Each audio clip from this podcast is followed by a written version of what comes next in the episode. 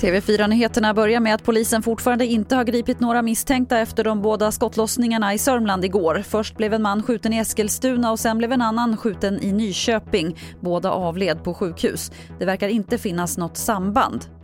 82% av de som har haft antikroppar mot covid-19 har kvar mätbara nivåer efter fyra månader. Det visar en antikroppsstudie från Danderyds sjukhus i Stockholm. Och även om antikropparna försvinner efter ett tag så kommer det vara lättare för kroppen att producera nya igen. Att eh, fyra av fem fortfarande har antikroppar det är ju väldigt positivt. Det som kan hända är ju att när man inte har några mätbara antikroppar i blodet så kan det vara så att man kan bli lite sjuk. Men, men, kroppen kommer ihåg hur det här viruset såg ut, så då börjar kroppen att producera antikroppar igen.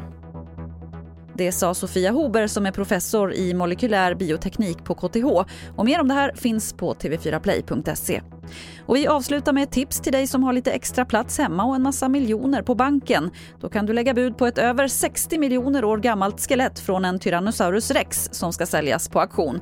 Det är 12 meter långt och 4 meter högt och prislappen väntas landa på uppemot 8 miljoner dollar.